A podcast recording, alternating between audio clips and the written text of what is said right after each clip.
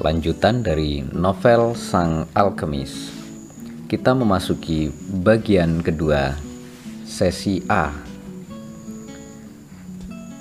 Anak itu sudah hampir sebulan bekerja pada si pedagang kristal. Dia menyadari pekerjaan ini tidak cocok untuknya dan tidak bakal membuatnya bahagia. Si pedagang biasanya menggerutu seharian di belakang konter menyuruh si anak supaya berhati-hati menangani barang dagangannya agar tidak ada yang pecah. Tapi anak itu bertahan bekerja di sana sebab meski suka menggerutu, si pedagang memperlakukannya dengan baik. Anak itu memperoleh komisi lumayan untuk setiap barang yang laku dijualnya, dan dia sudah mulai bisa menyisihkan uangnya untuk ditabung. Pagi itu, dia menghitung-hitung kalau dia terus bekerja setiap hari seperti selama ini dilakukannya, dia butuh waktu setahun penuh sebelum bisa membeli beberapa ekor domba. Aku ingin membuat rak pajangan untuk kristal-kristal ini, kata anak itu pada si pedagang. Rak itu bisa ditaruh di luar, sehingga menarik perhatian orang-orang yang lewat di kaki bukit. Aku belum pernah memasang rak seperti itu, sahut si pedagang. Jangan-jangan orang-orang yang lewat terantuk rak itu, lalu barang-barang daganganku pecah semuanya. Dulu kalau aku menggembalakan domba-dombaku di padang-padang, beberapa pasti ada yang mati kalau bertemu ular. Tapi memang begitulah kehidupan domba-domba dan gembala-gembala. Si pedagang beralih pada pembeli yang ingin membeli tiga gelas kristal. Dagangannya sudah semakin laris sekarang, seperti dulu-dulu ketika jalanan itu masih menjadi salah satu daya tarik utama di Tangir. Usahaku semakin maju saja, katanya pada si anak. Setelah pembeli tadi pergi, aku sudah jauh lebih sukses dan tidak lama lagi kau bisa mempunyai domba-domba lagi. Apalagi yang kurang? Sebab kita harus memberi respon pada pertanda-pertanda, sahut si anak, hampir-hampir tanpa sadar. Kemudian dia menyesali ucapannya sebab pedagang ini belum pernah bertemu raja tua itu. Ini namanya hukum keberuntungan, keberuntungan pemula. Sebab kehidupan ini ingin kau bisa meraih takdirmu. Demikian raja tua itu pernah berkata. Tapi si pedagang memahami maksud si anak. Kehadiran anak itu saja di tokonya sudah merupakan pertanda. Dengan berlalunya waktu dan semakin banyaknya uang yang masuk ke laci kasnya, Si pedagang tidak menyesal telah mempekerjakan anak ini. Anak itu mendapatkan bayaran lebih besar daripada sepantasnya. Si pedagang telah mewarisinya. Si pedagang telah menawarinya komisi besar karena mengira penjualannya tidak bakal sebagus ini. Dia juga sudah menduga anak ini tidak lama lagi bakal ingin menjadi gembala kembali. Kenapa kau ingin pergi ke piramida-piramida itu? Tanyanya untuk menghindari urusan pasang memasang rak. Sebab aku sudah lama mendengar tentang mereka, sahut si anak. Tapi dia tidak memberitahukan mimpinya. Sekarang harta karun itu hanya menjadi kenangan pahit baginya, dan dia mencoba tidak memikirkannya lagi. Rasanya di sekitar sini tidak ada orang yang mau melintasi padang pasir sekedar untuk melihat piramida-piramida itu, kata si pedagang. Mereka toh hanya batu-batu yang ditumpuk. Orang bisa membangunnya sendiri di, di pekarangan belakang. Anda tidak pernah bermimpi untuk berkelana, kata si anak. Lalu beralih untuk melayani pembeli yang baru saja masuk. Dua hari kemudian, si pedagang bicara tentang urusan memasang rak itu pada si anak. Aku tidak begitu menyukai perubahan, katanya. Kau dan aku tidak seperti Hasan, si pedagang kaya itu kalau dia salah dalam membeli, akibatnya tidak terlalu terasa buatnya. Tapi kalau kita yang salah bertindak, resikonya besar sekali. Benar juga, pikir si anak kesal. Menurutmu, mengapa kita perlu memasang rak itu? Aku ingin secepatnya menjadi gembala lagi. Kita mesti memanfaatkan keberuntungan yang sedang berpihak pada kita dan sedang mungkin dan sedapat mungkin kita menolong keberuntungan ini bekerja. Ini namanya hukum ke ini namanya hukum keberuntungan atau disebut juga keberuntungan pemula. Pedagang itu terdiam sesaat. Kemudian katanya, "Nabi Nabi Nabi telah menurunkan Quran pada kami dan menyatakan lima kewajiban yang mesti kami penuhi dalam hidup kami. Yang paling penting adalah hanya percaya pada satu Tuhan. Lain-lainnya adalah sembahyang lima kali sehari, berpuasa selama Ramadan, dan bermurah hati pada orang-orang miskin." Lalu dia berhenti bicara. Matanya basah oleh air mata ketika dia bicara tentang Nabi. Dia orang yang saleh, dan meski sifatnya tidak sabaran, dia ingin menjalani hidupnya sesuai dengan hukum-hukum Islam. Apa kewajiban yang kelima? Tanya si anak. Dua hari yang lalu, kau bilang aku tidak pernah punya impian untuk berkelana, sahut si pedagang. Kewajiban yang kelima bagi setiap orang Muslim adalah menunaikan ibadah haji. Kami diwajibkan mengunjungi kota suci Mekah setidaknya satu kali selama hidup. Mekah jauh lebih jauh daripada piramida-piramida itu. Waktu masih muda, aku bercita-cita mengumpulkan uang untuk membuka toko. Kupikir suatu hari nanti aku akan kaya dan bisa pergi ke Mekah. Aku mulai berhasil mengumpulkan uang tapi aku merasa tidak tenang menitipkan toko ini pada orang lain. Kristal-kristal itu gampang sekali pecah. Sementara itu, banyak orang melewati tokoku sepanjang waktu. Mereka menuju Mekah. Beberapa dari mereka adalah peziarah-peziarah kaya yang bepergian dalam rombongan karavan dengan pelayan-pelayan dan unta-unta.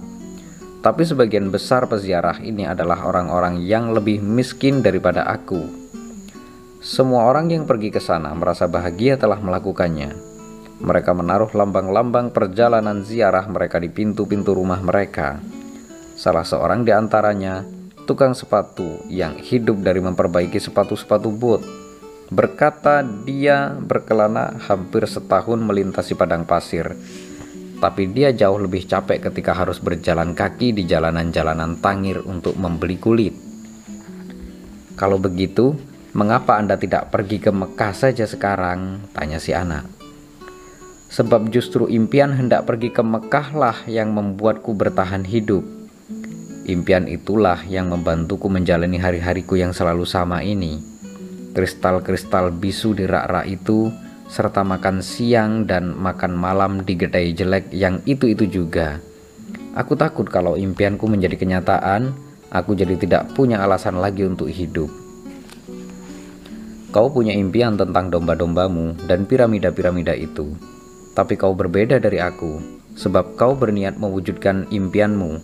Aku cuma ingin bermimpi tentang Mekah. Sudah ribuan kali aku membayangkan dirimu melintasi padang pasir, tiba di Ka'bah, mengelilinginya, mengelilinginya tujuh kali sebelum menyentuhnya. Sudah kubayangkan orang-orang yang ada di sampingku, di depanku, dan percakapan-percakapan serta doa-doa yang akan kami panjatkan bersama-sama. Tapi aku takut semuanya mengecewakan, jadi aku memilih mengangan-angankannya saja. Hari itu si pedagang mengizinkan si anak lelaki membuat rak pajangan. Tidak setiap orang merasa bahagia kalau mimpinya menjadi kenyataan. Dua bulan lagi berlalu, dan rak pajangan itu menarik minat banyak pembeli untuk masuk ke toko kristal tersebut. Si anak lelaki memperkirakan kalau dia bekerja enam bulan lagi, dia bisa pulang ke Spanyol dan membeli 60 ekor domba. Lalu 60 ekor lagi. Tidak sampai setahun jumlah dombanya pasti sudah dua kali lipat dan dia bisa berbisnis dengan orang-orang Arab. Sebab sekarang dia sudah menguasai bahasa mereka yang aneh itu. Sejak pagi hari di pasar itu, dia tak pernah lagi menggunakan urim dan tumim sebab kini baginya Mesir hanyalah impian masa lalu, seperti halnya Mekah bagi si pedagang itu. Akan tetapi, anak itu sekarang bahagia dengan pekerjaannya, dan dia suka membayangkan saat dia nanti pulang ke Tarifa sebagai orang sukses. Kau harus selalu tahu pasti apa yang kau inginkan. Demikian raja tua itu pernah berkata. Anak itu tahu apa yang diinginkannya, dan sekarang dia sedang berusaha mewujudkannya.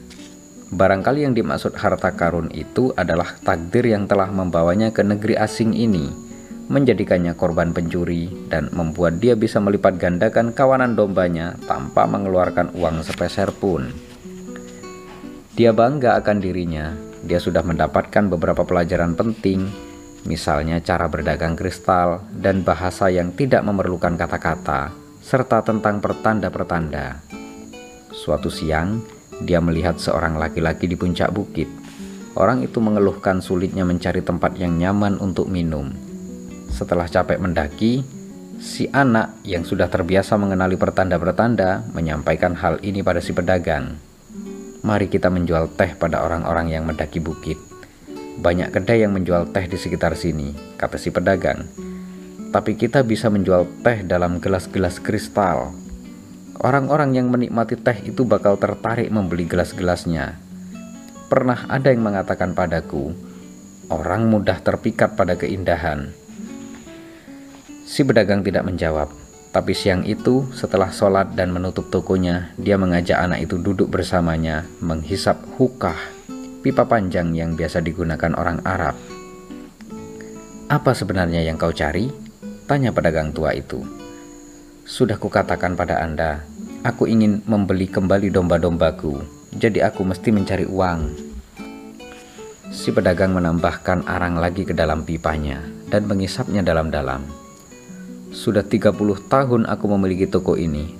Aku bisa membedakan mana kristal yang bagus dan mana yang jelek. Aku tahu segala seluk-beluk kristal, dimensi-dimensinya dan sifat-sifatnya. Kalau kita menyajikan teh dalam gelas kristal, toko ini akan berkembang. Lalu aku terpaksa mengubah cara hidupku. Nah, bukankah itu bagus? Aku sudah terbiasa dengan kehidupanku sekarang ini Sebelum kau datang, aku suka berpikir betapa aku telah menyia-nyiakan hidupku di tempat yang itu-itu juga. Sementara teman-temanku jalan terus, ada yang akhirnya bangkrut atau jadi lebih kaya. Ini membuatku sangat tertekan. Sekarang bisa kulihat keadaanku tidak terlalu buruk.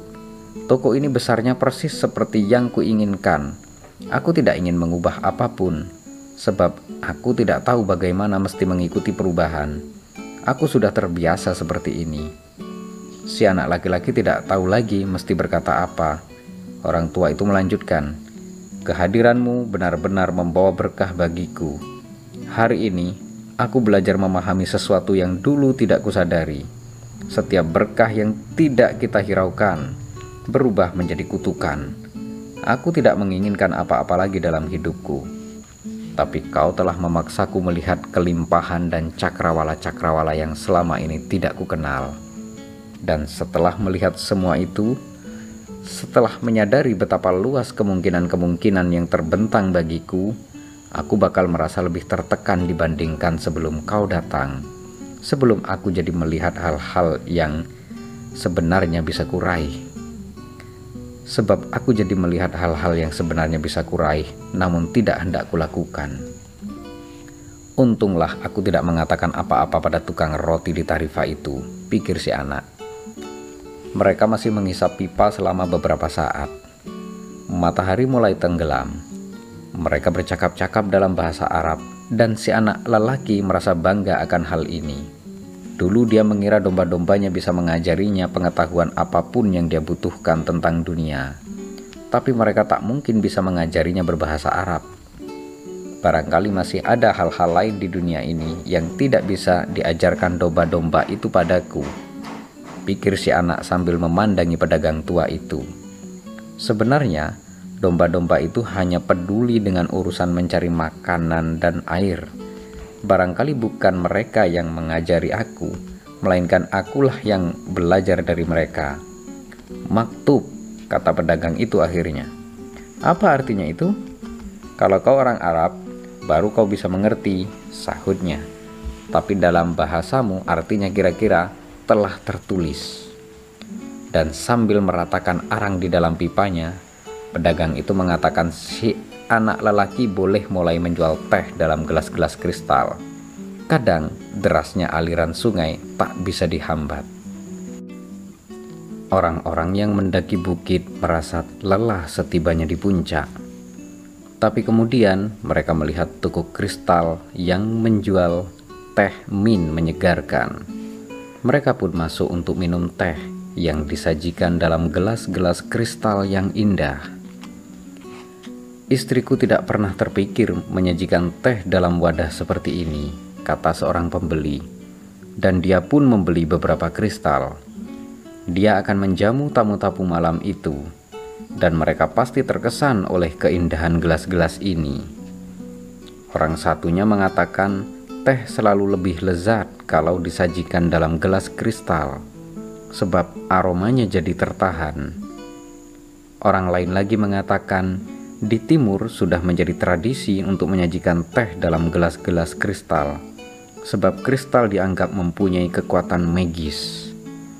Dengan cepat kabar ini tersiar banyak orang mendaki bukit untuk melihat toko yang mempelopori cara baru dalam bidang usaha yang sebenarnya sudah sangat tua ini.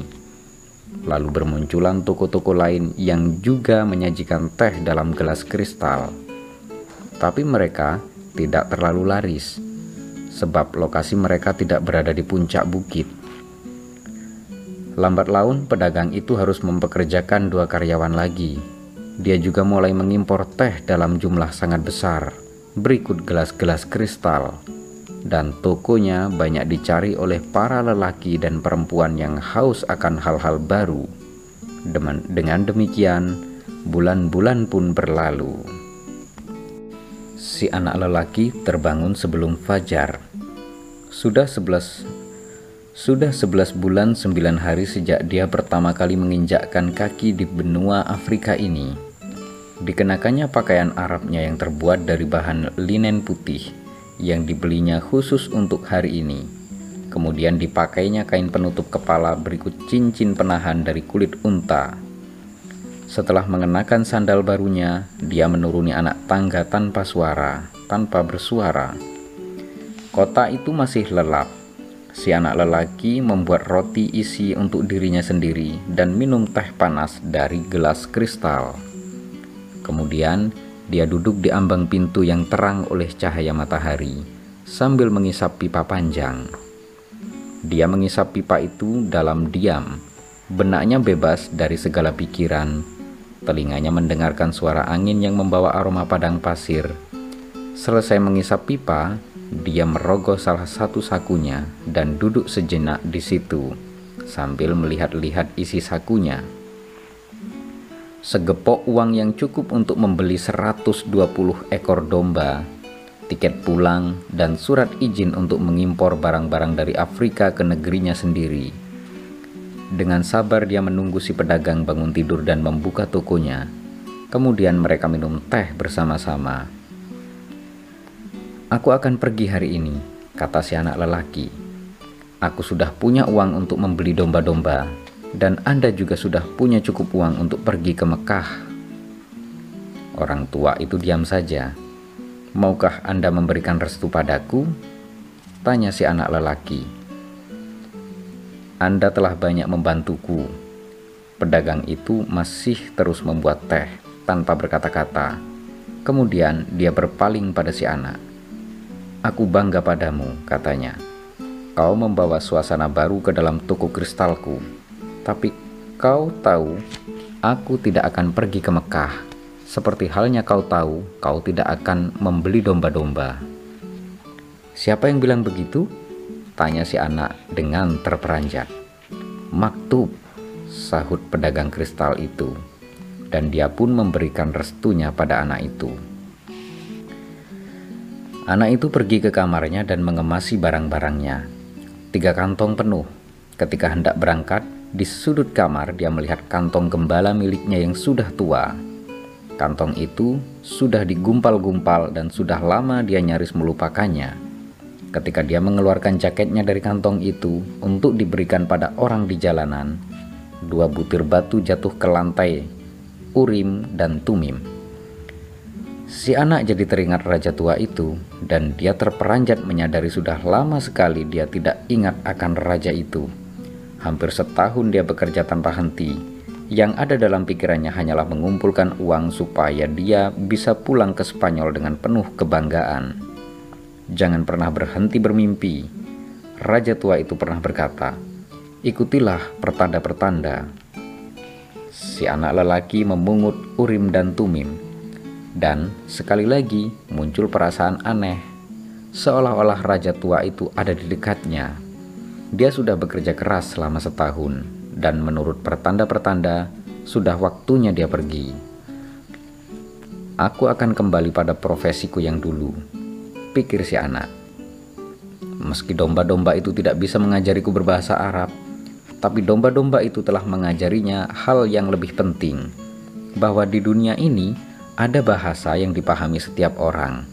Bahasa yang dipergunakan anak itu sepanjang masa-masa dia mencoba memperbaiki keadaan di toko. Bahasa antusiasme, bahasa orang yang berhasil dalam pekerjaannya yang dia lakukan dengan penuh cinta dan tujuan, juga sebagai bagian dari pencarian akan sesuatu yang diyakininya dan dihasratinya. Tangir bukan lagi kota asing baginya. Dia telah berhasil menaklukkan tempat ini, dan dia juga merasa sanggup menaklukkan dunia.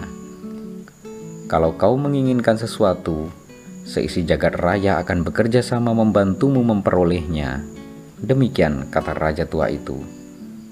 Tapi raja tua itu tidak mengatakan apa-apa tentang kemungkinan dirampok, padang pasir tak berujung, atau orang-orang yang mengetahui impian-impian mereka namun tak ingin mewujudkannya.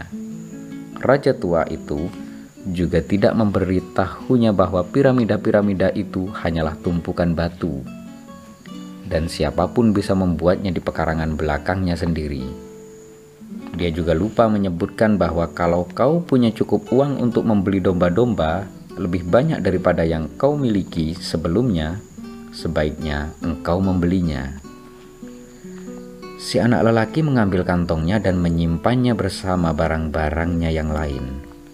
Lalu dia turun ke ruang bawah dan mendapati si pedagang sedang melayani sepasang orang asing. Ada juga dua pengunjung lain sedang melihat-lihat isi toko sambil minum teh dari gelas-gelas kristal. Pagi ini toko itu lebih sibuk daripada biasanya. Dari tempatnya berdiri, untuk pertama kali si anak lelaki melihat bahwa rambut pedagang itu sangat mirip rambut si raja tua. Dia teringat senyuman di wajah si penjual gula-gula pada hari pertamanya di Tangir ketika dia tidak punya makanan dan tempat berteduh. Senyuman itu juga mirip senyuman si raja tua. Seakan-akan raja tua itu pernah berada di sini dan meninggalkan jejaknya, pikirnya. Padahal tak satu pun orang-orang ini pernah bertemu dengannya akan tetapi, raja itu mengatakan dia selalu muncul untuk membantu orang-orang yang sedang berusaha mewujudkan takdir mereka. Anak itu pergi tanpa mengucapkan selamat tinggal pada si pedagang kristal. Dia tidak mau menangis di depan para pengunjung toko. Dia akan merindukan tempat ini dan segala pelajaran bagus yang diperolehnya di sini. Sekarang dia lebih percaya diri dan merasa sanggup menaklukkan dunia tapi aku akan kembali ke padang-padang yang kukenal, mengembalakan domba-dombaku kembali. Dia mengatakan itu pada dirinya dengan pasti, tapi keputusan ini tidak lagi membuatnya bahagia. Selama setahun penuh dia telah bekerja keras untuk mewujudkan impiannya, dan sekarang, menit demi menit, impian itu jadi terasa tidak terlalu penting lagi. Barangkali karena bukan ini impiannya yang sesungguhnya. Siapa tahu, mungkin lebih baik kalau dia seperti pedagang kristal itu, tidak pernah pergi ke Mekah, terus saja menjalani hidup dengan impiannya, pikir si anak, yang kembali mencoba meyakinkan dirinya. Akan tetapi setelah menggenggam urim dan tumim di tangannya, dia serasa mendapatkan aliran kekuatan dan tekad seperti yang dimiliki raja tua itu. Secara kebetulan, atau mungkin ini juga suatu pertanda pikir si anak dia tiba di kedai yang dulu dimasukinya ketika pertama kali datang ke sini. Si pencuri tidak ada di situ, dan si pemilik kedai membawakannya secangkir teh. Aku bisa menjadi gembala lagi kapan saja, pikir si anak. Aku sudah belajar cara mengurus domba-domba, dan aku belum melupakannya. Tapi barangkali aku tidak bakal pernah mendapatkan kesempatan kedua untuk pergi ke piramida-piramida di Mesir itu. Raja tua itu mengenakan penutup dada dari emas dan dia tahu tentang masa laluku. Dia benar-benar seorang raja, raja yang bijaksana. Perbukitan Andalusia hanya dua jam perjalanan jauhnya. Tetapi antara tempat ini dan piramida-piramida itu terbentang padang pasir luas. Namun si anak lelaki merasa bisa melihat situasi ini dari sudut pandang lain. Sebenarnya, dia dua jam lebih dekat dengan harta karunnya. Fakta bahwa dua jam itu mulur menjadi setahun penuh bukanlah masalah baginya. Aku tahu kenapa aku ingin kembali pada domba-dombaku, pikirnya. Aku bisa memahami domba-domba. Mereka tidak lagi menimbulkan masalah buatku, dan mereka bisa menjadi sahabat-sahabat baik. Sebaliknya, aku tidak tahu apakah padang pasir bisa dijadikan sahabat, dan di padang pasirlah aku harus mencari harta karunku. Kalau aku tidak menemukannya, aku bisa pulang setiap saat. Toh, aku sudah punya cukup uang dan waktu sebanyak yang kubutuhkan. Jadi, kenapa tidak? Sekonyong-konyong dia merasa sangat bahagia. Dia bisa menjadi gembala lagi kapan saja. Dia bisa menjadi penjual kristal lagi kapan saja. Barangkali dunia ini masih menyimpan harta-harta karun lainnya. Tapi dia punya satu impian dan dia telah bertemu seorang raja. Tidak semua orang mengalami hal seperti itu. Sambil meninggalkan kedai, dia mulai menyusun rencana. Dia ingat salah seorang pemasok pedagang kristal itu mengangkut kristalnya dengan karavan-karavan melintasi padang pasir. Si anak menggenggam urim dan tumim di tangannya. Berkat kedua batu inilah dia sekali lagi melangkah menuju harta karunnya. Aku selalu ada di dekat orang yang hendak mewujudkan takdirnya. Demikian kata raja tua itu dulu. Apa salahnya mencoba mendatangi gudang si pemasok untuk mencari tahu apakah piramida-piramida itu memang jauh? Terima kasih dan bersambung ke bagian 2 sesi B.